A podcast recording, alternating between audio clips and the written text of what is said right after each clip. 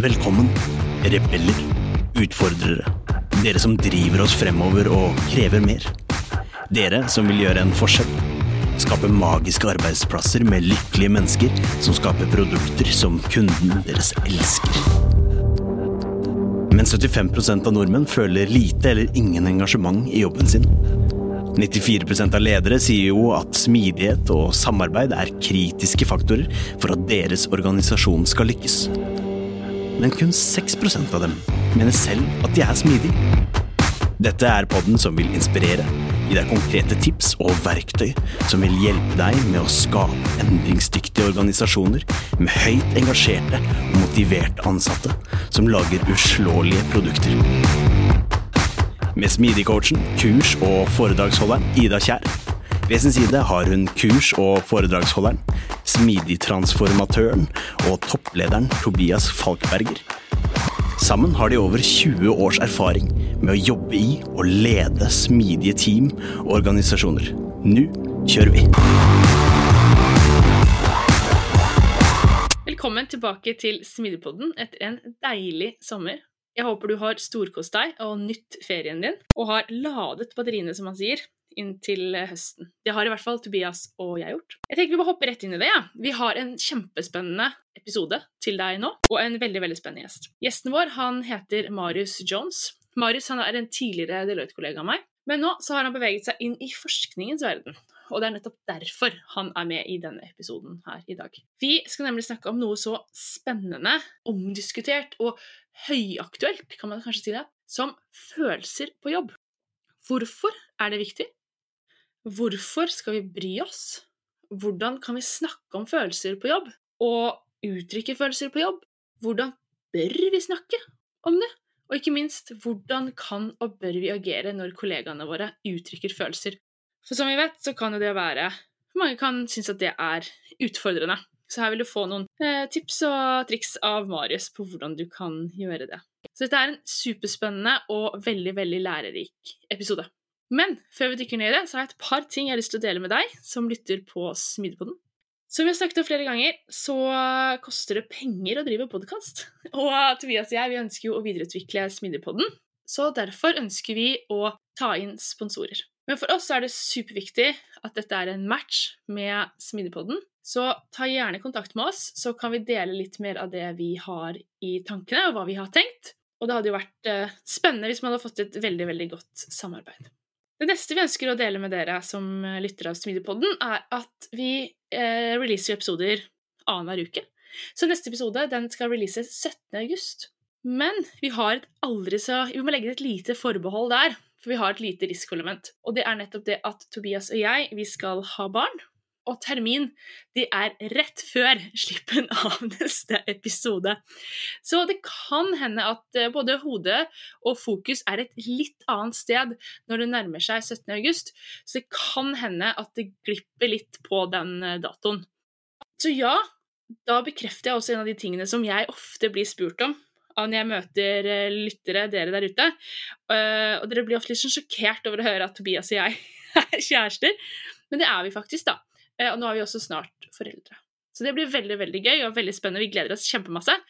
Men nå vet dere det, at 17. august kanskje det ikke kommer en episode. Men om du vil sikre deg den episoden allerede nå, så kan du faktisk gjøre det. Da kan du sjekke ut smidigpodden.no slash én kaffe. Og der ligger det allerede flere av høstens episoder. Og i tillegg til det så får du tilgang til over seks timer med kurs og foredrag. Det var da på smidigpodden.no slash én kaffe. Og med det så tenker jeg at vi bare stuper rett inn i episoden med Marius. Hei, og velkommen til oss, eh, Marius. Tusen takk for det. Veldig glad for at du har lyst til å være med på Smidepodden, av flere grunner. En er at vi har et spennende tema, men en annen grunn også er jo at vi kjenner hverandre fra før av, fra tiden vår i Deloitte. Det er hyggelig å se ansiktet ditt igjen, enn som bare digitalt. det funker det godt som godt som noe annet ennå, er det ikke det? Digitale møter også. Nei, men det er hyggelig å se deg igjen, Ida. Jeg tenker, Har du lyst til å starte med å bare introdusere deg selv først? Ja, det kan jeg gjøre. Det er sånn, ja. hvor, eh, hvor, begynner jeg da? Jeg kan jo si at um, jeg tror jo Hvis jeg skal si noe sånn overordnet eh, ved meg selv, så tror jeg at det er det at jeg er en fyr som, som lurer på ting. Og, og, kanskje lurer litt på en del ting som man egentlig ikke burde lure så mye på, på en måte, og som kanskje andre tenker at sånn er det nå bare eh, en gang. Um, og så merker jeg at disse tingene er noe som kan fyke rundt i hodet mitt og ta ganske mye tid. Og, og jeg tror det er litt sånn det som jeg kanskje har blitt til en forskerkarriere etter hvert. da. Så sånn på jobb så gjør jeg to ting. Jeg er forsker på Norges handelshøyskole. Jeg fullførte en doktorgrad der um, for ca. et halvt år siden. Um, forsket mm -hmm. på samarbeid i startups. Uh, og da bl.a. forsket på dette med følelser, men skrevet om litt forskjellige ting der. Og så har jeg en halv stilling i AFF, som er et konsulentmiljø knyttet til uh, eh, NHH. Som uh, jobber primært med, med lederutvikling og, og, en del organisasjonsutvikling. Um, det er et miljø som er 70 år i år, så vi går ganske langt tilbake. Jeg startet med det som heter Solstrand-programmet. Um, som var da et kurs i administrasjon, altså et av Norges første uh, lederutviklingsprogram, og som, som, fortsatt går da, i, i, Bergen. Um. Nei, så, så, det er det sånn uh, jeg gjør på jobb. Ellers så har jeg en datter nå på, på ni måneder, så, så, nå er jeg også på vei gjennom sommeren og til pappaperm på andre siden der, da. Det, det blir veldig fint. Så koselig. Mm. Å, det er fint. Nei, du var jo inne på det, Marius. Temaet for denne episoden er følelser på ja. jobb. Mm. Har du lyst til å håper jeg, Vi kan jo sparke det i gang med så enkelt og så vanskelig spørsmål som hva er følelser? Ja, det kan vi, kan vi, godt gjøre. Det er jo også noe som Dette er jo blant de temaene som, sant, som, som, som vi alle på et vis har vet hva er, ikke sant? Følelser. Mm. Det er jo litt sånn lett når vi begynner å prate om det og gi litt sånn akademiske definisjoner og sånn, da, som, som, også er fint. da, så, så kan vi liksom um, på ett vis forstå det bedre, og så kan vi kanskje på et annet vis også rote oss litt bort i alle disse ordene, at det blir veldig sånn svevende og oppi hodet og konseptuelt og sånn. Alle vet jo hva følelser er, på et vis. ikke sant? Vi har jo opplevd de selv. Vi har, vi har vært sinte, vi har vært triste, vi har vært entusiastiske. Vi har på en måte kjent det fra innsiden av. Så jeg tenker at det er litt sånn når vi snakker om følelser i, i videre i denne episoden her, så tenker jeg det er en invitasjon til lytterne til å bare beholde litt den intuitive oppfatningen de har av følelser. da, ikke sant? Sånn dere har kjent de fra mm. innsiden. Eh, så det kan man jo si på et vis at, at det er fint å, å holde, holde, det. Um, hvis man skal si det litt mer sånn akademisk, eller prøve å finne ut hva, hva, er greia med følelser, så tror jeg det ofte er fint å snakke om hva er følelsenes funksjon. Dette er jo noe som vi har med oss gjennom evolusjonen. Det er jo noe allmennmenneskelig. ikke sant? Og da kan mm. vi tenke at det har utviklet seg gjennom evolusjonen, litt sånn som armer og bein har utviklet seg. ikke sant? De har hjulpet våre forfedre på å håndtere omgivelsene, på en måte. ikke sant? Så jeg tror hvis man kan si noe overordnet om hva følelser er, så tror jeg vi kan si at følelser det er organismen vår sitt forsøk på å gjøre seg klar til å møte et eller annet som skjer i omgivelsene, som er relevant for våre behov. Så det er en slags sånn omstilling, kan man på en måte si. da. At nå prøver kroppen din å gjøre seg klar til å møte et eller annet som er viktig for deg. Så hvis man tenker f.eks. følelsen frykt, da. ikke sant? Du tenker at du går i mm. skogen, og så kommer det en bjørn løpende frem. Det er et veldig klart sånn stimuli. ikke sant? Da har du et eller annet som skjer i omgivelsene, som du da gjør en vurdering av ofte ubevisst, da, om at dette her er skikkelig relevant for meg og min velferd. Her må jeg komme meg unna. Og da skjer det en del ting i kroppene våre. da. Det er den eh, reorganiseringen, kan vi si. Det skjer noe med kognisjonen vår, altså hva vi tenker. Vi slutter å tenke på hva vi skal spise til middag og på en måte fremtidsplanene våre og sånn, og vi tenker veldig hvordan kan jeg komme meg unna, ikke sant. Oppmerksomheten vår den trekkes inn mot det stimuliet. Den blir kanskje da mer snever, fordi at her må du håndtere akkurat den. Du skal ikke liksom fokusere på blomstene og eh, fremtiden og sånne ting. Så det skjer noe der det skjer noe fysiologisk i kroppen. At pulsen stiger. Du får økt mm. blodsirkulasjon ut til på en måte armer og bein og sånne ting. Og så får du også det som vi kaller da, sant, denne følelsen, denne subjektive opplevelsen av at her foregår det et eller annet som er skikkelig farlig.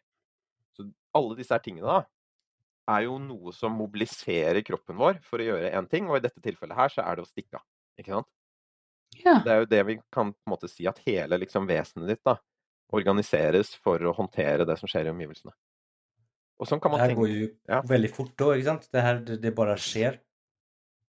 Ikke sant. Det er det, det som gjør og, og, det tenker jeg at når man um, Det var vel han Carl Jung som sa at hvis du prøver å forstå deg selv gjennom å se på det som er i bevisstheten din, så, så er du på, på, feil vei. Det er utrolig mye av dette som skjer på en måte bak sceneteppet, kan man si, ikke sant? som vi ikke får med oss selv. Uh, hvis du står der og, og, ser på en bjørn, så er det ikke noe at jeg, jeg får med meg alt dette eller tenker og er sånn Oi, nå kom det noe blod ut i armene, eller nå økte pulsen og sånn. ikke sant? Dette er bare ting som, som foregår da, i på en måte hele organismen. Da. Så følelse kan man si er liksom den subjektive opplevelsen av alt dette her. Og så kan vi kalle hele den prosessen da, fra stimuli til handling, at det på en måte er en, en emosjon, da, hvis man skal på en måte bruke litt mer sånn fagbegreper på det. Og som du sier, i en emosjon så er det et bevisst komponent, som er denne følelsen. Og så er det veldig mange andre ting da, som, som vi ikke får med oss, og som skjer utrolig raskt også.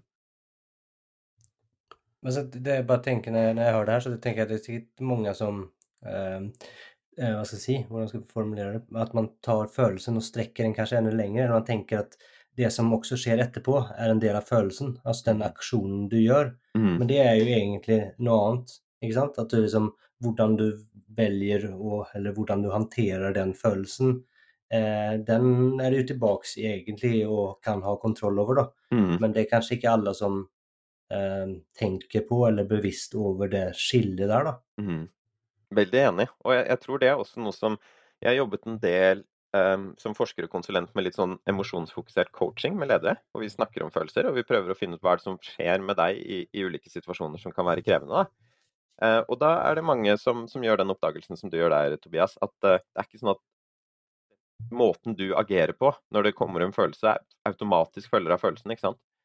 Um, så um, man kan si at måte følelser har ofte et handlingspotensial. De er rettet mot handling og å håndtere en situasjon. Men de er ikke sånn at de gir deg på en måte en fasit på hvordan situasjonen skal håndteres.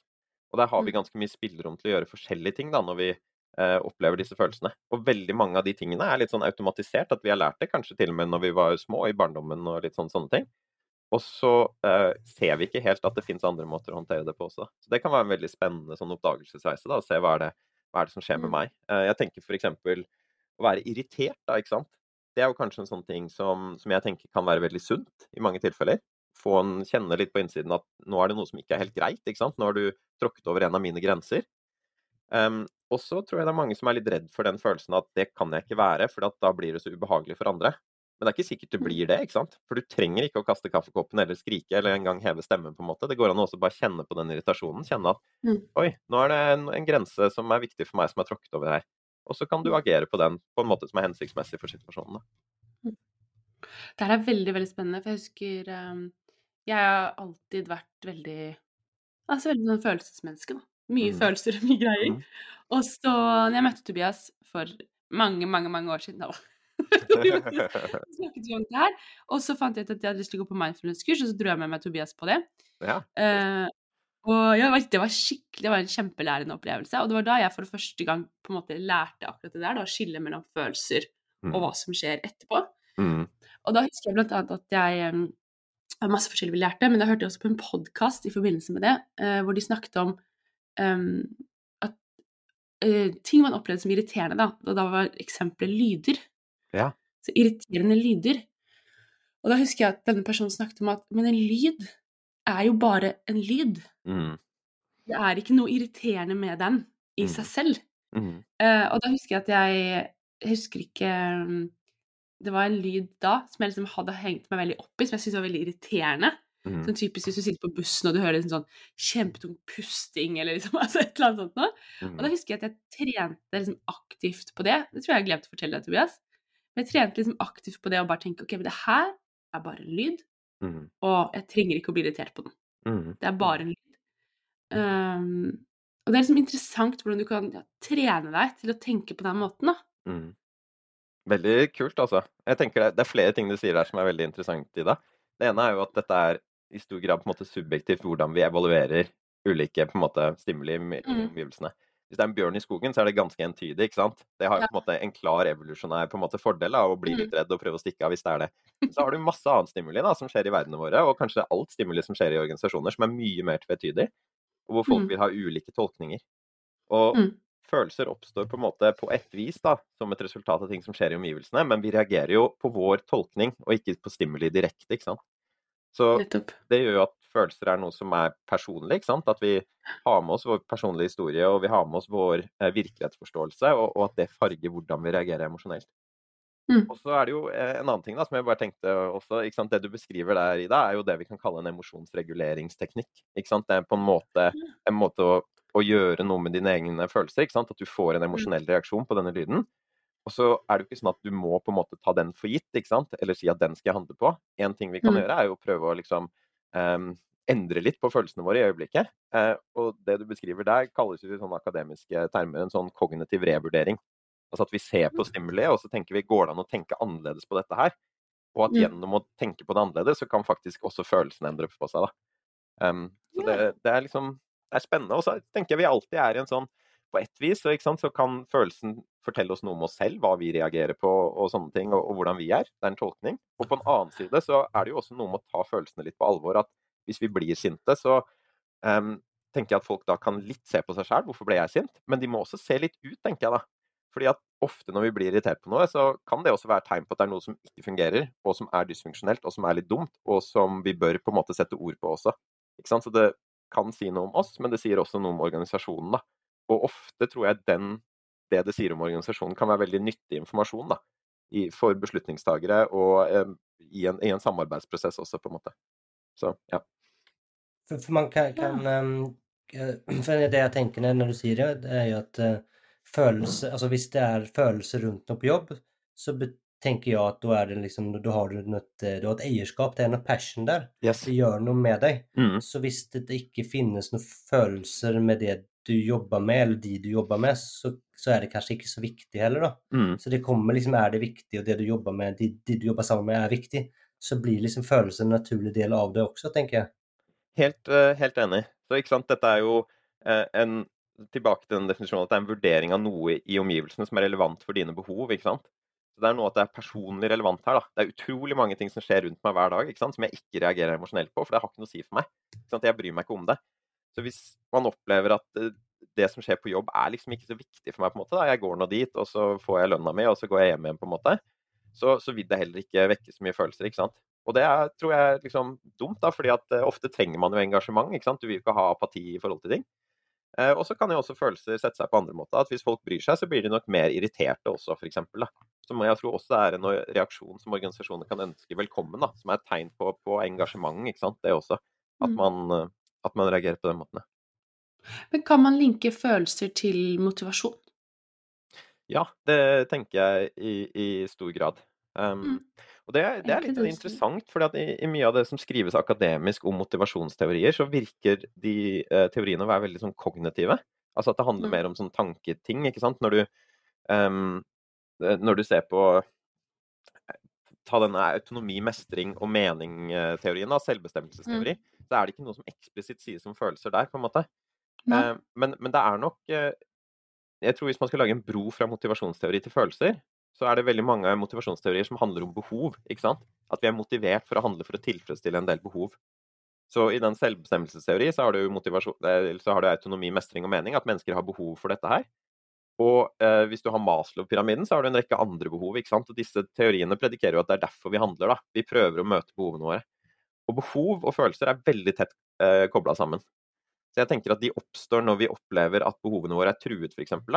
Ta denne bjørnen i skogen, så har jeg et behov for å fortsette å eksistere eller overleve. ikke sant? Og, og det her er jo den bjørnen en trussel mot det. ikke sant?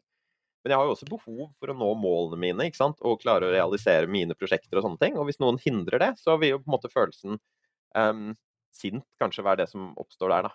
Eller entusiasme, mm. hvis jeg ser et eller annet Her er det et eller annet ute i miljøet da, som jeg tenker at dette her er en ordentlig fin ting i forhold til mine mål og mine behov. Så man kan si at følelser de avslører behovene våre litt, da. Ikke sant? Når de oppstår, mm. så er det ofte tegn på at det er et eller annet som har foregått her, som er relevant for det individets mulighet da, til å møte sine behov. Og det tror jeg også, mm. da, hvis man skal si hvordan er det du kan møtes andres følelser, så er det, tror jeg ofte det er dit vi skal da, for å klare å møte andre på en skikkelig måte. Prøve å finne ut hva er det som står på spill for deg her nå. ikke sant? Hva er dette behovet da, som, som du opplever at enten er truet, eller hvor det er en mulighet her nå. da. Mm. Det får man også tenke på at det er jo eh, Mange ganger så så jeg, man, jeg tenker jeg gjør det selv òg. Man sitter liksom og venter på at den, som, den riktige følelsen skal mm. komme. på en måte.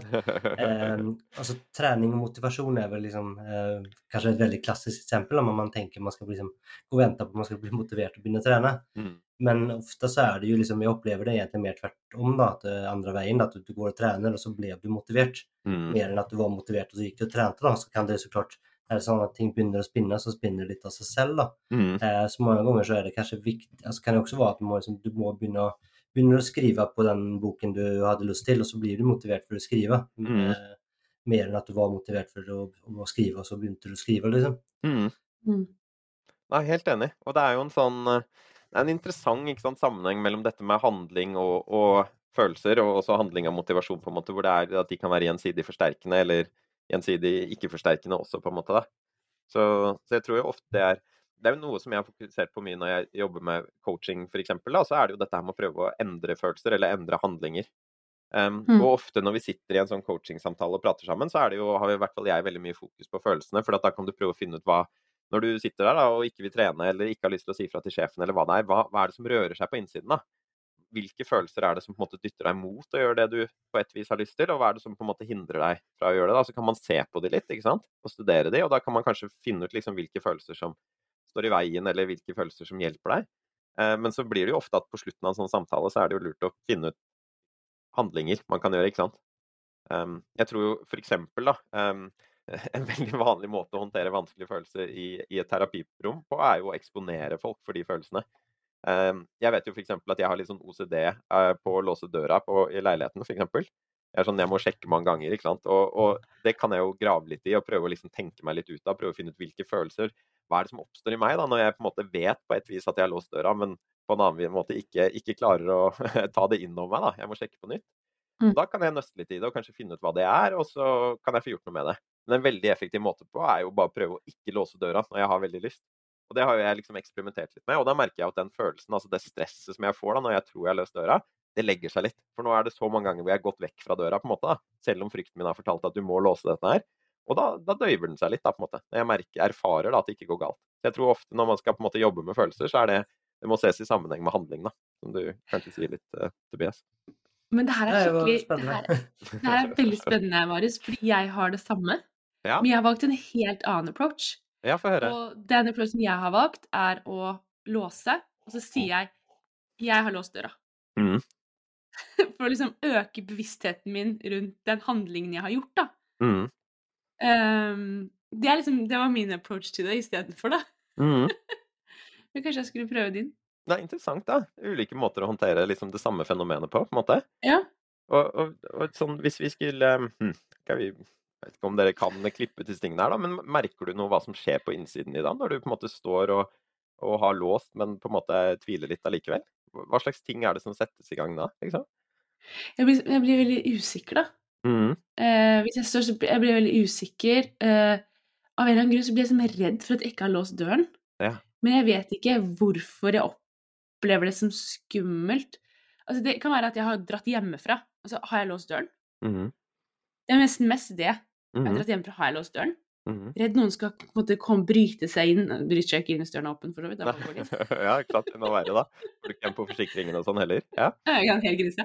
Eh, Så langt har jeg ikke dratt tanken, da, men det er det at det, liksom, ja, men det står ulåst, og det er Mm. kanskje at jeg har gjort noe feil. Jeg har, jeg har ikke klart Mm. å på en måte Mm. eh, levere på sånn basic minimum da, av hva eh, jeg skal gjøre. da. Du skal låse døren når du går hjemmefra. Mm. Mm.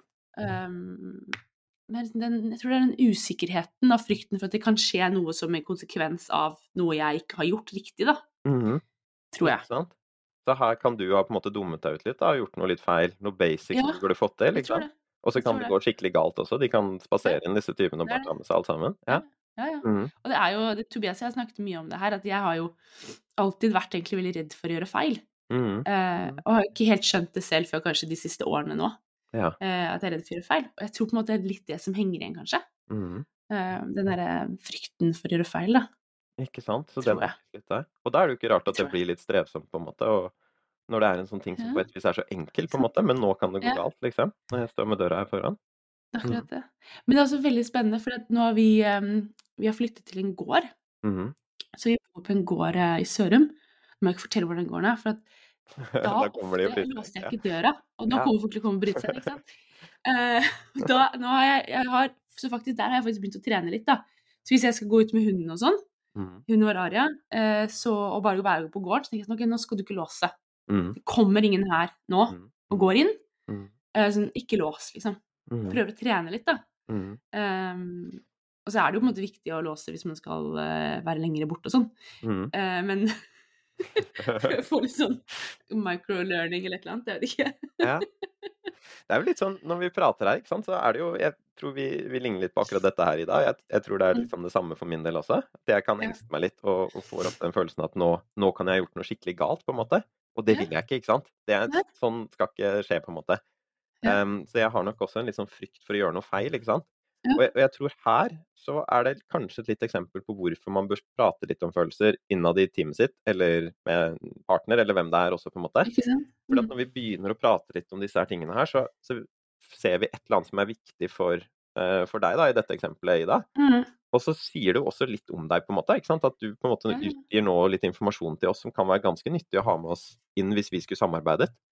Eh, for nå skal ikke jeg spørre om dette her liksom setter seg på jobb på andre måter også, men det kan jo godt hende at det er noen paralleller vi kunne sett her, som da ikke sant, preger hvordan vi eh, på en måte forholder oss til andre, eller forholder oss til prosjekter hvor, hvor kanskje vi står foran en situasjon hvor vi kan gjøre noe galt. ikke sant? Det kan jo også skje på jobb på en måte også. Mm. Og så er det jo også da, ikke sant, at uh, en annen måte man kunne gått inn i dette, er å spørre liksom Kan vi forstå det på noen måte fra f.eks. personlig historie, da? Er det ting vi på en måte har har skjedd, eller noe med liksom familiekulturen, eller et eller annet sånt også, da, som, vi kanskje kan nøste i hva er det som gjør at, at akkurat det stimuliet blir noe som vekker så mye i oss, da, ikke sant? Mm. Uh, for der er vi jo også litt sånn forskjellige òg, da. Og jeg tenker jo det er jo også en ganske sånn spennende reise, tror jeg, for både som leder, men også på en måte bare å jobbe i en organisasjon og prøve å skjønne liksom, hva er det som er triggerne mine, og hvorfor blir det sånn? ikke sant? Hvorfor er det jeg reagerer sånn på, på omgivelsene rundt? Mm. Ja, for, for det, liksom en, ehm, det som jeg tenker på er jo at eller, ehm, på Egentlig tilbake til min, Jeg vet ikke helt hvor det kommer fra, men det er liksom en, en ting som man har någonstans blitt liksom opplært i eller trent i er jo liksom at det er du har et privatliv, så Ja. liksom det, det er liksom kanskje til og med noe i navnet der. det er liksom et, et arbeidsliv og så et privatliv, det er liksom en, Mm, det er deg på jobb og så er det deg hjemme. Ehm, mm, vi har kanskje til og med et sett sätt med tøy som vi har på jobb og så har vi et annet sett med tøy som vi har mot hjemme. Uh, det, det, det, det har liksom historisk sett vært en veldig sånn distinktion mm, och liksom følelser, det er noe du har hjemme, og så er du profesjonell. professionell. Du har liksom et begrepp profesjonell. Mm, Det, det, är liksom, det, det er uten følelser og det er liksom pen, pent tøy, og liksom det er liksom litt mer rett og och firkantigt. Sånt det er på jobb. Mm, Eh, og, och det, liksom, det har vært et veldig sånt skille. Um, og til og med i mer modern tid så snakker man jo om work-life balance. mm, Og det, liksom også, det ligger jo litt liksom i begrepet om at det, liksom, det er en forskjell, det, er en, det skal være ett balans mellom det private og jobbet. Og hvis Mm. det skal være en balanse så må det måtte være to forskjellige ting. Ikke sant? Mm. Ehm, jeg mener jo at det, liksom, det, det, det er helt feil. da. Det er Mm. ikke sånn det fungerer. Mm, Um, så det kunne være interessant å høre hva, hva du tenker der, og liksom hvordan, hvordan kommer det egentlig liksom følelser altså, hvordan, Du har vært inne på det litt, men hvordan, hvordan kommer det inn i det liksom jobbdelen, som, Mm. som skal være så, på en måte så profesjonell og liksom noe Mm. annet, da? mm. Det er veldig interessant eh, spørsmål du har der. Unnskyld at jeg forstyrrer deg midt i denne superspennende episoden. Men jeg vil bare minne deg om Smidigpodden-fellesskapet. Kanskje har du lyst på eksklusiv tilgang til foredrag, kurs og masse, masse mer. Eller kanskje du bare liker denne episoden spesielt godt. Eller kanskje du bare syns Smidigpodden er som plommen eller rosin i pølsa om du vil, og vil vise at du setter pris på oss. Da må du gå inn på smidigpodden.no skråstrek en kaffe for å bli en del av Smidigpodden-fellesskapet. Håper å se deg der. Og jeg tenker Et begrep som brukes litt i forskningslitteraturen, er det man kan kalle emosjonell kultur. ikke sant? Som alle virksomheter har, og som man kan si liksom land har, og kanskje familier har også. da. Som egentlig beskriver ofte uskrevne regler, eller normer, da, knyttet til hvilke følelser er det greit å ha, og hvordan er det greit å vise dem. Um, og der ligger det nok en del i dette ordet profesjonell. ikke sant? Uh, så det er jo en øvelse som jeg har gjort en del når jeg har vært ute i organisasjoner. Når vi snakker om følelser, så spør jeg liksom ok, Når vi tenker på følelser, og så tenker vi på dette ordet profesjonell, hva er det det betyr hos dere, da? Ikke sant? Og da kan det dukke opp ting som f.eks. at det å være sint, det skal vi ikke være her, på en måte. Da er du uprofesjonell. Um, jeg har hørt andre ledere som beskriver hvordan en, en medarbeider har brutt sammen på jobb, ikke sant? Og så har jeg spurt hva, okay, hva, hva besto det av, på en måte? Jo, nei, den personen begynte å gråte. Og der tenker jeg Det sier ganske mye om en emosjonell kultur, hvor den på en måte da sier at hvis du gråter her, så er du både uprofesjonell og du har brutt sammen. ikke sant? Det er en følelse som ikke er ønsket liksom, på denne arbeidsplassen her. da, på en måte. Eh, så jeg tror det er variasjon der, da, ofte. Men ofte så betyr jo dette med å være profesjonell og kanskje ikke ha så mange følelser, da, på en måte. Mm. Um, og det tror jeg kan være et hinder i en del tilfeller. Um, og det er flere grunner til det. Det ene er jo at vi har med oss disse følelsene selv om vi later som vi ikke har dem med. Mm. Ikke sant? At hvis, um, hvis det er sånn at um, Altså, jeg, jeg blir jo frustrert på ting på jobb, på en måte.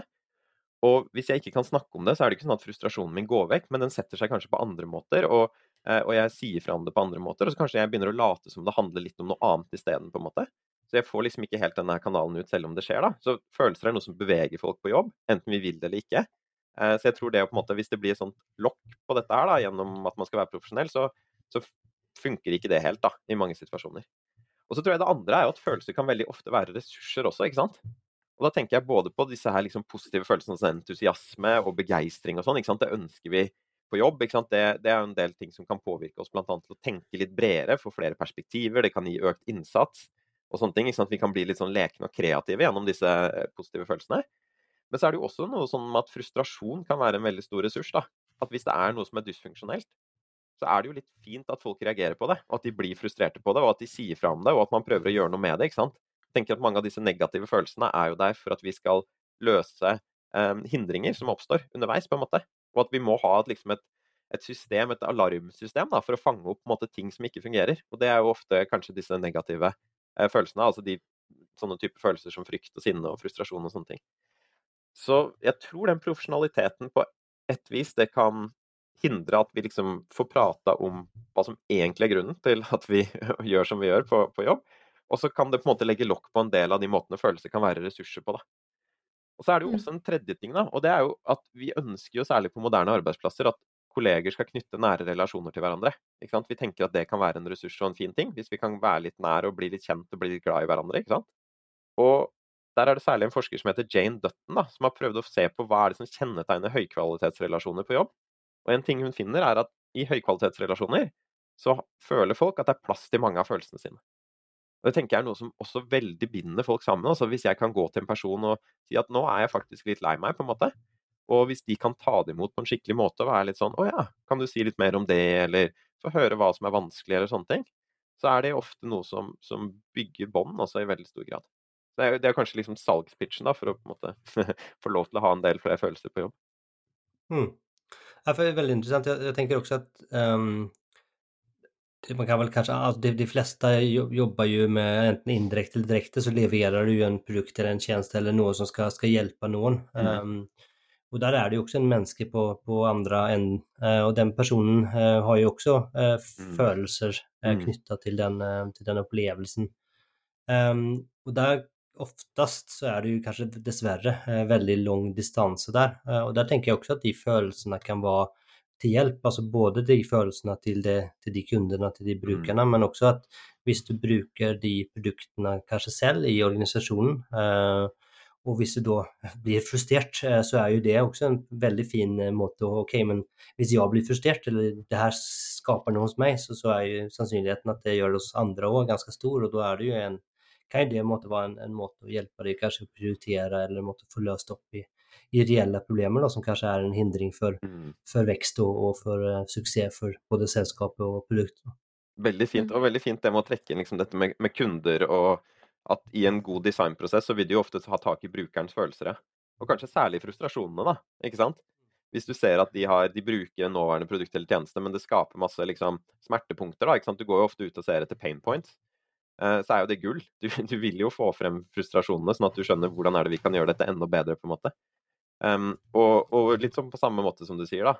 At, at, folks frustrasjoner internt i en organisasjon er jo også god informasjon, ikke sant, kan man si. Du hadde dette sitatet, Tobias, som du, uh, som du snakket om. Ja, det var litt morsomt. Det var, det var som at uh, internett visste at du skulle komme og spille inn på Kanskje internett visste det. Ja, jeg tror faktisk det. sånn er internett. I, i går så dagen før, eh, før, du sitter her i dag, så, så dukker det opp et sitat mitt, stort, stort bilde midt i LinkedIn-feeden uh, om uh, 'emotions are, aren't noise, they are data'. Mm. Uh, så jeg syns det var, det var så, så, midt i blinken for det vi skulle prate om i dag, så jeg måtte, måtte ta med den i, i forberedelsene her. Så det var liksom mm. av Sig Berseid. Jeg vet ikke om du er noen du er kjent med? Veldig, veldig fin um forsker på følelser i organisasjoner. Hun har hatt veldig mye og sett på følelser i, i grupper. Eh, hun døde nylig, jeg tror det er innen et år siden, faktisk. Så det er jo egentlig et tap, både jeg har inntrykk av som, mm. som medmenneske for de som var henne nær, men også liksom i forhold til fagfeltet. Altså. Hun tror jeg hadde eh, kommet opp med mange gode ting, altså. så jeg har sett henne på ett seminar. Um, jeg tror det hun, ikke hun, hun sier dette her med at følelser er data, data og ikke støy, og jeg tror det hinter jo litt til at følelser kanskje ofte ses på som støy, på en måte. At det er mm. derfor vi sier at det er noe uprofesjonelt. At vi tenker at ah, hvis folk, disse frustrasjonene de har, eller fryktene de har, eller noe sånt, det blir på en måte legge litt sånn vekk, det, det trenger vi ikke å, å, lytte så mye til. Hvor hun på en måte hinter til at det er noe annet enn det. Det kan være noe mer enn det. Og jeg er veldig enig i det perspektivet der. da. Følelser mm. informerer oss um, på, som individer, da, så sier de noe til oss selv om at her er det noe som skjer som er relevant for behovene våre. Men de sier jo også noe om omgivelsene våre som kan være nyttig for oss kollektivt. ikke sant? Um, og hvis det er mange i en organisasjon som går rundt og frustrerer seg over en eller annen praksis de har, en eller annen måte å jobbe på, så er jo dette kjempenyttig ikke sant? For, uh, for ledere å få med seg og vite at her er det et eller annet som skurrer. da. Og jeg tenker kanskje særlig hvis man jobber um, f.eks. i et sånt agilt team, da, hvor man skal jobbe iterativt og både iterere på produkt, men også på arbeidsmetoder, så tror jeg mm. følelser kan være et godt sånn signal der. Å ha et sted hvor man på en måte kan samle frustrasjonene. Da, på en måte Skrive det ned og, og, finne ut hva er det dette dreier seg om. Fordi at ofte kan man jo håndtere det og gjøre noe med det. ikke sant? Mm. Um, et annet eksempel er jo uh, Bill Gates, som uh, ifølge en, en, organisasjonsforsker som heter uh, Morten Hansen, hadde noe som han kaller produktiv paranoia. Um, og det han mente da, var at både Bill Gates og mange andre ledere som har lykkes i usikre tider, har vært flinke til å bruke frykt som en ressurs, som en informasjonsressurs. da. Hvor Bill Gates hele tiden gikk rundt og var bekymret for hva er det konkurrentene kommer til å gjøre. Hvordan er det de holder på å ligge et steg foran? Og også ting som ikke fungerte innad i en organisasjon. Og at han tok disse her bekymringene litt på alvor, og prøvde da å finne ut hvordan er det vi som selskap da kan agere på disse bekymringene da, på en måte som gjør at vi kan ligge foran. Så det at liksom ja, det er ulike følelser da, som kan fortelle oss forskjellige ting, på en måte, og ofte så mm. de, kan de være nyttige. da.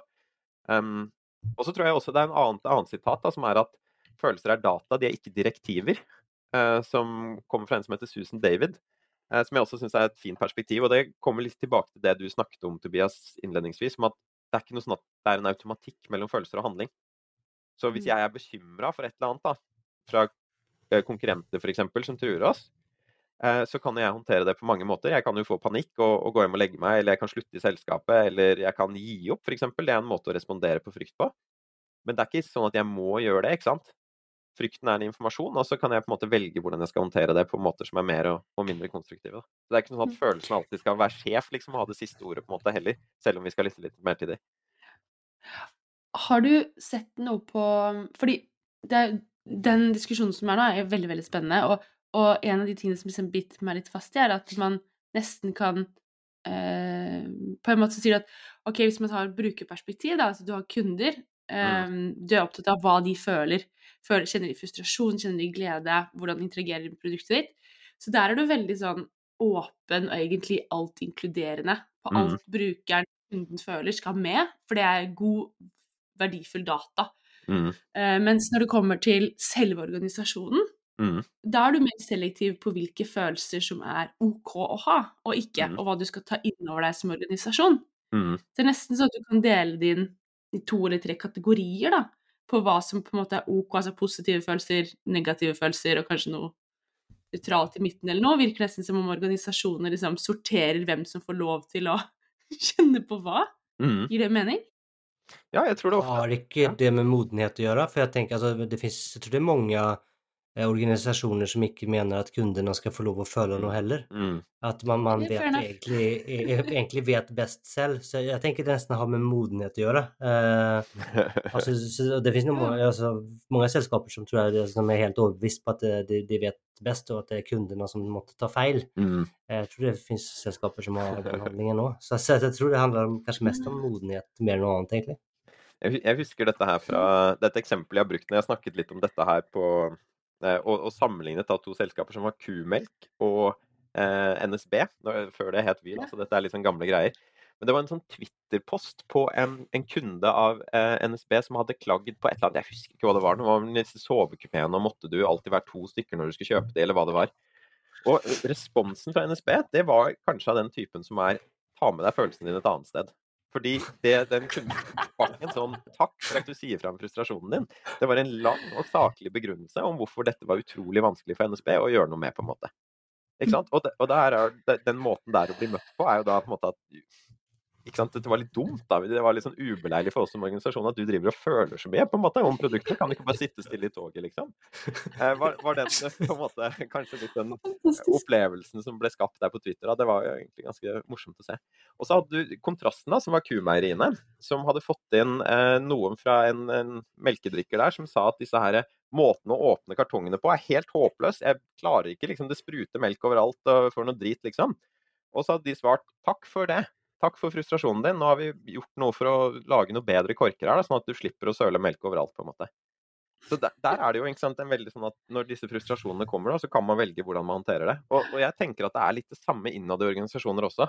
Mm. Um, det er nok ikke alle følelser måte vi skal lytte til og, og, bruke og sånne ting. Og av og til må folk leve med at de er frustrerte i organisasjoner, at man kan ikke skru om på alt over natta på en måte også. Det er ikke noe sånn at vi skal gå mot et sted hvor det bare er behagelig og sånn. Men jeg tror nok der eh, organisasjoner har mye å tjene på å liksom åpne opp for at folk faktisk kan snakke om det de, de kjenner på i forhold til ting. Også. Mm. Og jeg tror særlig sant, i, et, uh, i, organisasjoner som har kunnskapsarbeidere som har andre alternativer, som kan slutte i jobbene sine. ikke sant? Dette med å sørge for retention av folk. Så mm. er det nok fint å, å skape plass til at deres frustrasjoner og deres vondter kan komme på bordet, da, sånn at vi kan uh, se på de og vurdere hva vi skal gjøre med de, og så uh, forhåpentligvis klare å løse noen av de, de tingene som, som, er smertepunkter for folk innad i organisasjonen også. Hm.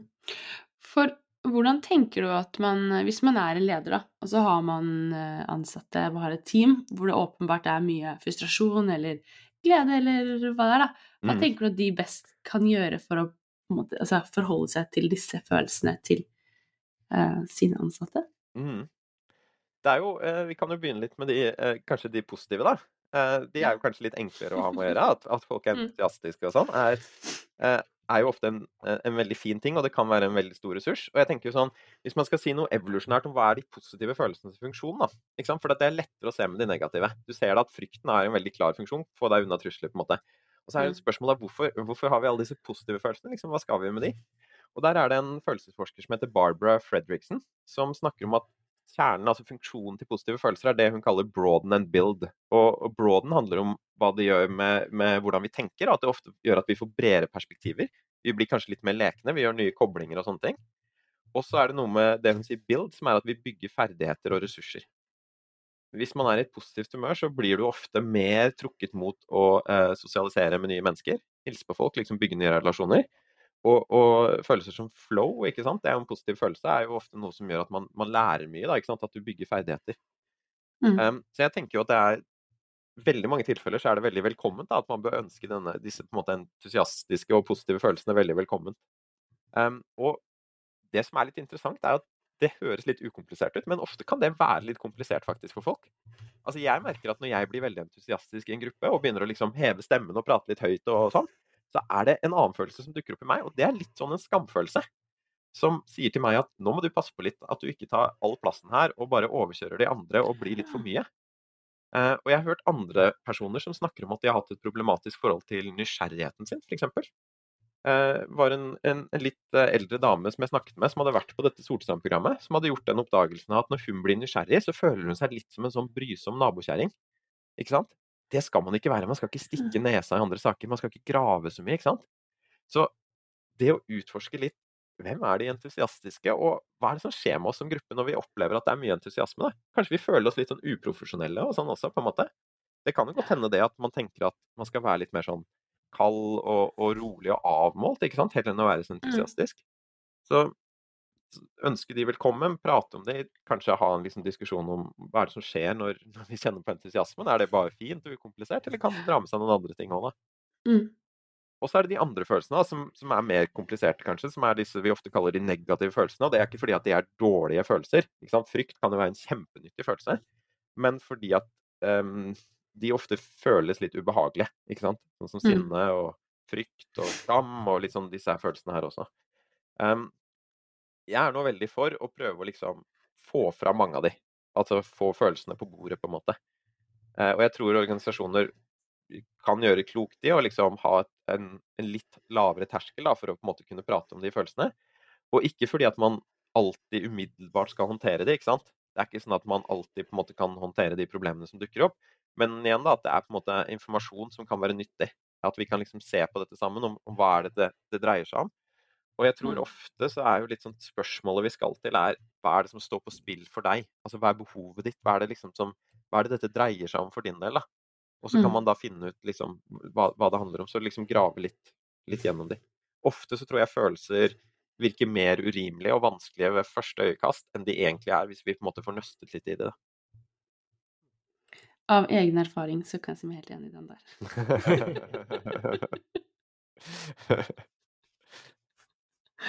Men, men jeg tenker ofte så, um, du sitter jo på, um, på andre siden av noen annen sin, sine følelser. yes. Eh, og, og, det er jo kanskje noe man eh, ikke nødvendigvis er så god på. Eh, Mm. Og har kanskje til og med et anstrengt forhold til. Eller, men liksom, eller Mm. kanske mer at man, man vet ikke hva man skal gjøre, hvor Mm. man skal håndtere det. Ha, har du noen, något tips der på liksom hvordan man kan bli altså, bedre som en Mm. kollega til å att hantera ikke håndtere, det høres dårlig men altså si, være sammen med andre sine følelser. da. Ja, og der syns jeg du stiller det helt riktige spørsmålet, ikke sant. Som er det at når eh, det, er, det er noe som jeg har sett på også i, i den egne forskningen min, så har jeg prøvd å se på liksom kollektiv emosjonsregulering. Altså hvordan vi forholder oss til følelser sammen. Det tror jeg er litt fordi at ofte når det beskrives hvordan man kan håndtere følelser, så er det ofte et fokus på individuelle strategier. ikke sant? Tenke annerledes rundt en situasjon, eller kognitiv eh, revurdering som det kalles. Meditasjon er andre ting. Gå og ta seg en joggetur. Alle dette er måter å håndtere følelser på som skjer innad i individet. Og så er jo følelsene eh, sosiale informasjonsmekanismer.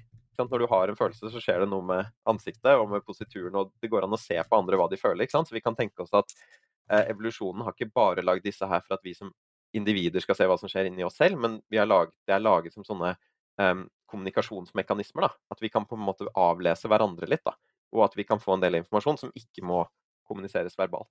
Så, så det er ganske viktig det der greiene der med hvordan er det du møter andres følelser.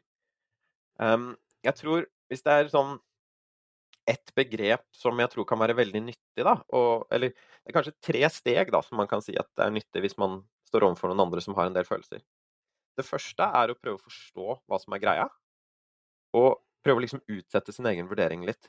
Og det kan være lurt også hvis følelsen hos den andre parten virker litt urimelig, på en måte, hvis de går og er frustrert på et eller annet. Si de er frustrert på kaffe, kaffeautomaten, for eksempel, da.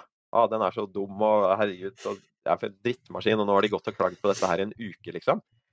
Eh, prøv å sette deg inn i den andres perspektiv, og grav litt i det. Og ikke prøv å protestere på følelser, men prøv å bli litt med og prøv å skjønne hva dette dreier seg om. For veldig ofte så handler jo følelser om kanskje noe annet enn det ser ut på fra utsiden. da. Så jeg tror det er det første. Det er å prøve å være med litt, da. Og bare liksom være litt nysgjerrig på hva som skjer i den andre. Og det andre er en ting som kalles validering, som er en teknikk som brukes mye i terapirommet blant psykologer, men som jeg tror vi alle kan lære en del av. da. Eh, Og det er å prøve å anerkjenne den andres følelser. Så å validere noen andre starter ofte med uh, setningen 'Det er ikke så rart at du føler at X', ikke sant? Det er ikke så rart at du blir så frustrert når dette skjer, på en måte. Eller ja, jeg ser at når du har med deg dette i, i din bagasje, liksom, eller når du har opplevd mange vanskelige situasjoner med dette, her, så er det ikke så rart at du kjenner frykt i denne situasjonen her, på en måte. Du har jo blitt opplevd å bli sparket før, ikke sant? så kanskje når vi har denne omstillingen her, så setter det i gang mye greier i deg. Det er jo ikke så rart, ikke sant? Så prøv å møte folk liksom på den måten. Og så er det tredje er å prøve å finne ut hva er det som er behovet her, ikke sant. Igjen da, så er det ofte en kobling mellom behov og en, en følelse, og prøve å liksom nøste seg frem til hva, hva er det som står på spill for deg her, da. Så jeg tror det å ha litt sånn den tålmodigheten, prøve å forstå det, validere det og finne behovet, kan være en veldig må fin måte å møte folk på. Og så er det jo noe du sier, ikke sant, dette med at vi reagerer forskjellig, da, og der tror jeg også at det handler litt om å bli kjent med seg selv og sitt sånn følelsessystem. Um, det er ganske ulikt hva som skjer med folk når de opplever frustrasjon på jobb. ikke sant? Noen kan synes at det er veldig skummelt, og uh, begynne å liksom skru det ned og si at um, nå må du gi deg og klage over denne kaffemaskinen, liksom, fordi at de synes det er ubehagelig selv. Så det å på en måte klare å stå litt i sine egne følelser da, og, og lære hva som er sine triggere, kan også være en veldig sånn fin ting for å klare å møte andre godt. Jeg må si, for uh, jeg, et, når jeg um, forsto at følelser bare er følelser, og at det er helt ok, Mm. um, det hjalp meg veldig i å klare å prosessere andres følelser. Ja. Fordi da um, ga jeg slapp på det behovet om å skulle fikse det. Mm. Mm. Um, jeg innså at ja, men jeg trenger ikke å, å fikse noen andres følelser. Mm. Følelser det er verken bra eller dårlig. Det bare er. Mm. Og de er helt ok. Og for meg var det veldig sånn Det hjalp meg veldig da, i å forstå liksom, det å klare å håndtere andres følelser på en bedre måte enn det jeg gjorde da. Det er et veldig fint eksempel, det der, altså. For det er jo også noe, ikke sant, Jeg snakker om dette med å prøve å legge lokk på det. Det er jo én måte å håndtere andres følelser på, men å løse problemet er jo også en annen måte å gjøre det på. da. Um, jeg tror ofte det med å møte andre på en god måte er jo litt å bli litt komfortabel med å, å stå litt i ubehag selv. ikke sant? Veldig ofte når vi går litt fort frem da, når andre føler noe, så er det jo fordi at det setter i gang et ubehag i oss sjæl som vi helst vil kvitte oss med. Um, og da kan vi på en måte prøve å agere på den måten, da, mens folk ofte trenger liksom tid og tålmodighet når de, når de kjenner på ting. Veldig fint. For vi, det vi, vi snakket litt om eh, egentlig om retrospektiv, og i det her bare sånn litt tilfeldigvis i, i går, og da litt sånn om tidsbruk. Eh, og Mm. vi var vel egentlig veldig enige om at eh, i de aller fleste tilfeller så er du enten om du er bevisst om hva det er eller ikke, så vil, krever det tid å Mm. liksom grave deg ned i det og finne ut av det. Mm. Eh, og hvis du ikke har tid eh, til de du jobber sammen med, eh, at gå faktisk ned i det, så Mm. er liksom poenget litt borte, da. Mm. Eller i hvert fall så blir det noe, noe annet, og du må være bevisst over det, at, at det skal du liksom ha Skal du finne ut av ting, så vil det kreve tid, og det tenker jeg både mot det, coachingsamtaler, en til en, eh, retrospektiv og andre ting, at, at du krever, det krever tid for å, å faktisk um, komme i dybden og få eventuelt liksom få snakke om de her, eller få snakke om de tingene og få kunne begynne å løse opp i det og kanskje finne hva som ligger bak, for det er jo ikke sikkert man selv vet Mm. hvorfor man, altså hvorfor man er sinna på den kaffemaskinen, for det har jo mest sannsynligvis ingenting med den kaffemaskinen å gjøre. Mm. Eh, og hvis noen spør deg hvorfor du er sur, og du svarer kaffemaskinen, så, og du har ikke tid til å gå dypere, så har du liksom ikke Det har, det, liksom, det har ikke løst noe, da. Mm. Jeg er enig. Det er, eh, og det, det tror jeg er en vanskelig eh, beregning, mye dette med hvor mye tid skal du bruke på disse tingene her. Um, jeg tror av og til så, eh, så tenker jeg at disse tingene ikke tar så lang tid som man kanskje tenker at det tar. Og jeg tror også at den der med å gå veldig problemløsende til verks da, når andre kjenner på ting, er noe som kan gjøre at ting trekker ut og tar lang tid, det også. For da kan det bli sånn stange, ikke sant? Hvis det er noen som kommer og er frustrert over kaffemaskinen, og det egentlig er noe annet, så kan det hende at det holder for de å bli, liksom, bli litt møtt og lyttet til og hørt, og så kan man finne ut hva det er, og så kanskje at man ikke trenger å løse det, på en måte, men at det er godt for den personen bare å liksom få sortert litt for egen del om hva er det det dreier seg om, og at det er en annen person som står overfor deg og sier at ja, det der, det handler faktisk om denne omstillingen, altså, og at du er litt usikker på hva din rolle blir i organisasjonen etter dette. Det skjønner jeg at høres vanskelig ut, altså. Og så kanskje at det holder, på en måte, å bli møtt på den måten. Mens hvis man skal liksom argumentere mer med at nei, nei, dette er noen fin kaffemaskin, og se, den lager liksom både cappuccino og den kan ha liksom tevann og sånn. Og så, eh, så er det på en måte en løsning som burde være grei, da, men da blir det jo fort på en måte mer en sånn stanging, ikke sant? Eh, Du blir jo kanskje med om noe bare mer frustrert. For du liksom Det kan jo være at du, altså, Even om du ikke klarer å sette ord på det, så kan du føle deg kanskje veldig misforstått og, og ikke Altså det, det, kan jo være at du føler, eller Mm. kanskje vet at eh, selv at det, det er noe annet, men du vet kanskje ikke helt hva. ikke sant? Når personen prøver å fikse den kaffemaskinen, så kan du liksom bare Men, men hallo. Det blir et blindspor, ikke sant? Det er jo litt sånn som når man Mm. jobber i en designprosess, at det er viktig å løse riktig problem, ikke sant? Mm. Så, så det er som, ikke sant? Og da kan det jo, som du sier, at du blir mer frustrert, at det kommer andre følelser som legger seg oppå det, på en måte. Og så har du noe som er liksom krevende å fikse, altså. Så, så en del ganger Jeg tror veldig ofte hvis man kjenner på en følelse som er litt sånn ubehagelig, og som du ikke helt vet hva er, så tror jeg ofte det man trenger å kjenne, er at liksom Jeg er ikke fucka, og jeg er ikke alene, liksom. Og hvis du kan hjelpe andre å ha litt, få den opplevelsen, på en måte, da, så er det ikke sikkert at det problemet man står overfor, må løses i morgen, på en måte. Mm. Så, ja. Men det er jo, ikke sant, jeg har jo veldig lyst til det når jeg jobber med team, at vi skal på en måte sette oss ned og bruke ordentlig lang tid på dette med å liksom nøste i, i, i, på en måte liksom emosjonelle historier og hva det dreier seg om og, og sånn. Og, og det skal jo på en måte ikke spise hele arbeidsdagen, det heller. altså. Så jeg syns eh, akkurat tidsspørsmålet har ikke jeg noe god, eh, helt sånn klar løsning på. altså. Nei, men refleksjonen min var vel egentlig at jeg tror det er um, Det er i alle fall viktig måte å ikke hoppe, hoppe for fort og ikke liksom hoppe inn i, i løsningen eller ta, ha en konklusjon på at eh, Eller ja, Mm. jeg har notert meg at du har en dårlig deal med kaffemaskinen, det, for det, det, det, kan, det kan være verdt å ta den ekstra, ekstra runden. Ja. Jeg ser at tiden løper fort uh, her, Marius. Um, så, vet jeg at Ida har sikkert har masse Jeg har til og med sett at hun sitter notert her underveis. Jeg, jeg har det. Ja. det går bra. det har vært kjempespennende. Veldig, veldig interessant. Så bra. Vil du skvise inn en av de siste, siste spørsmålene dine før vi går til de siste spørsmålene? Nei, eh, eller Altså, jeg tenker eh, et, eh, et, siste spørsmål er jo at eh, hvis eh, eh, en kollega blir veldig frustrert eller veldig lei seg, mm. og man ikke forstår hvorfor mm. Vi har jo vært litt inne på det. Mm. Men jeg tenker at det her er litt noe som veldig veldig mange kan mm. oppleve. Og så var du innom disse tre stegene. Mm. Men har du noen andre liksom, liksom, rent konkrete ting man kan gjøre? For jeg tipper at det er veldig, veldig mange som finner seg i en sånn situasjon. Ikke sant. Eh, og så har du vært inne på disse tre stegene dine, ikke sant. Mm. Men har du noen andre ting som du tenker at er sånn lette go to eh,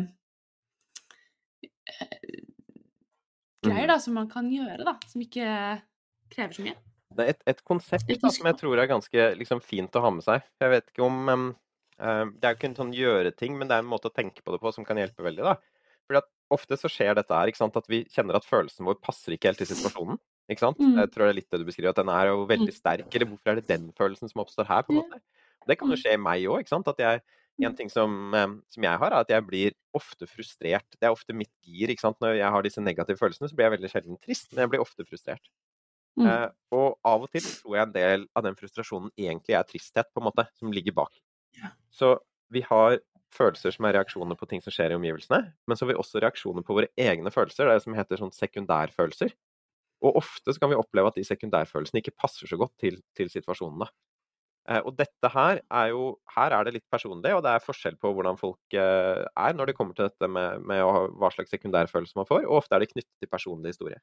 Så jeg for eksempel, når jeg var liten gutt, så gråt jeg masse. Eh, og jeg ble også lei meg når vi tapte fotballkamper og litt sånne ting da, som, som jeg fikk høre da at det der er ikke noe å grine for, ikke sant. Og det tror jeg det er, det er kanskje litt sånn typisk gutt som har mm. vokst opp eh, på en måte her, at det er sånn, man blir fortalt at det å være lei seg skal man kanskje ikke være så mye, ikke sant.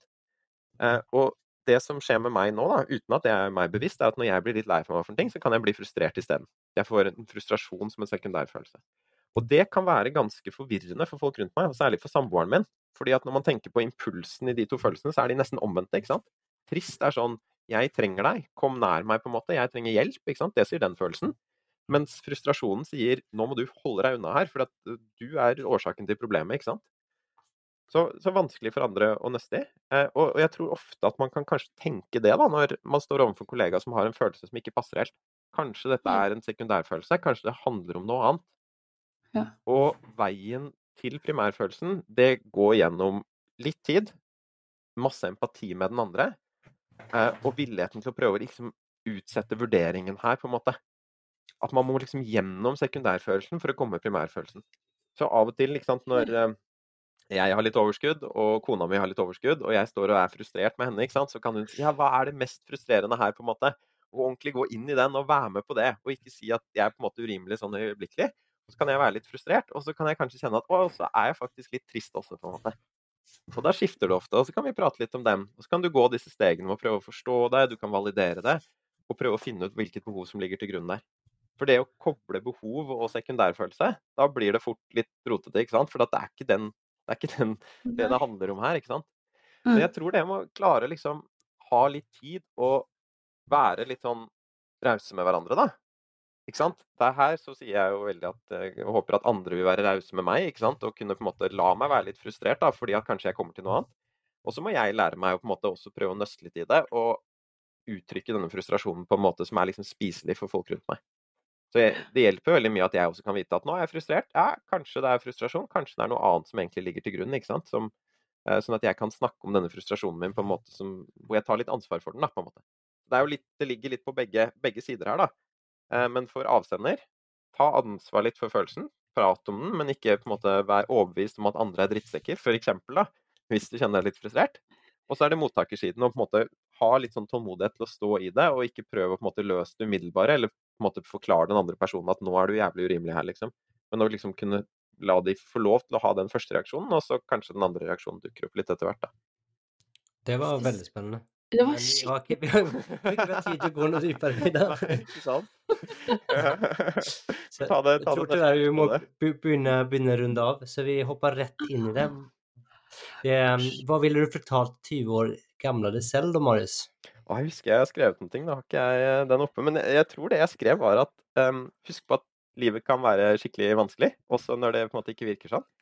Eh, og det er veldig knyttet til dette med følelser og sånn, at jeg tror vi fort lærer da i dette landet som er eh, verdens beste land å bo i, at vi går rundt og er så glad og fornøyd, og ting er så lett på en måte hele tiden. da. Eh, men det å liksom tillate både deg sjæl og andre å kjenne at ting er ordentlig vrient til tider, det, det skulle jeg ønske at jeg sa mer til meg selv når jeg hadde det vanskelig når jeg var eh, ja, litt mindre. Mm. Veldig fint. Hva mener du kjennetegner en god leder, da, Marius? Ja, og der tenkte jeg også, der har jeg vært mer personlig enn fra forskningslitteraturen. Eh, Det som har kjennetegnet de lederne som jeg har opplevd som veldig gode, er at de har trodd at jeg kan fikse ting som jeg ikke trodde jeg kunne fikse sjøl. Jeg husker jeg har fått en del muligheter av noen ledere som, som jeg har vært litt sånn Oi, kan jeg gjøre det, liksom? Og så har det gått, og så har jeg følt en veldig vekst på det der, da. Eh, Og da blir jeg ganske imponert over de lederne også, som klarer å liksom få tak på de, eh, et potensial som jeg kanskje ikke ser helt selv.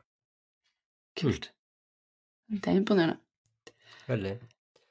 Um, til neste så er jo ta en liten vri på den, for vi har jo snakket om, um, følelser på, på jobb i dag. Um, og det har liksom vært hovedtematikken. Så hvis man um, sitter her som lytter, og så tenker man ja, men jeg tenker at vi burde bli litt bedre på både å ha- liksom ha, vise følelser og prate om følelser og jobbe med, med følelser og kanskje endre synet på følelser på jobb. Mm. Har du noen liksom konkrete tips der? Eh, liksom overordnet. Vi, vi, vi ønsker å bli bedre på følelser på jobben min. Hva, Ja. hva starter vi med? Kult. Jeg tenker det er eh, fristende å liksom eh, jobbe litt sånn på tre plan. Det ene er jo å bli litt nysgjerrig på sine egne følelsesliv. da. Der tror jeg man kan si at en, en vei dit, da, sånn, da siterer jeg min venn Ernst Botten, som er psykolog, som sier at hvis du skal bli kjent med følelser, så må du bli nysgjerrig på angst. Og det er egentlig jo bare å prøve å være litt med de greiene som skjer på kroppen sin. da, at Når det er noe som litt høye skuldre, eller noe som setter seg, eller et eller annet ubehag som du ikke helt skjønner, prøv å være litt nysgjerrig på det. Spør ubehaget hva det handler om, på en måte. Bli litt kjent med dine egne- reaksjoner. Og så er det dette her med å forholde seg til andres følelser, og da tenker jeg lær deg litt validering, på en måte. Det går an å, å søke opp også hvordan det kan se ut. Det er noe som heter emosjonsfokusert ferdighetstrening, som noen på Institutt for psykologisk rådgivning driver med. Eh, og, og prøv, liksom, prøv ut det litt, da.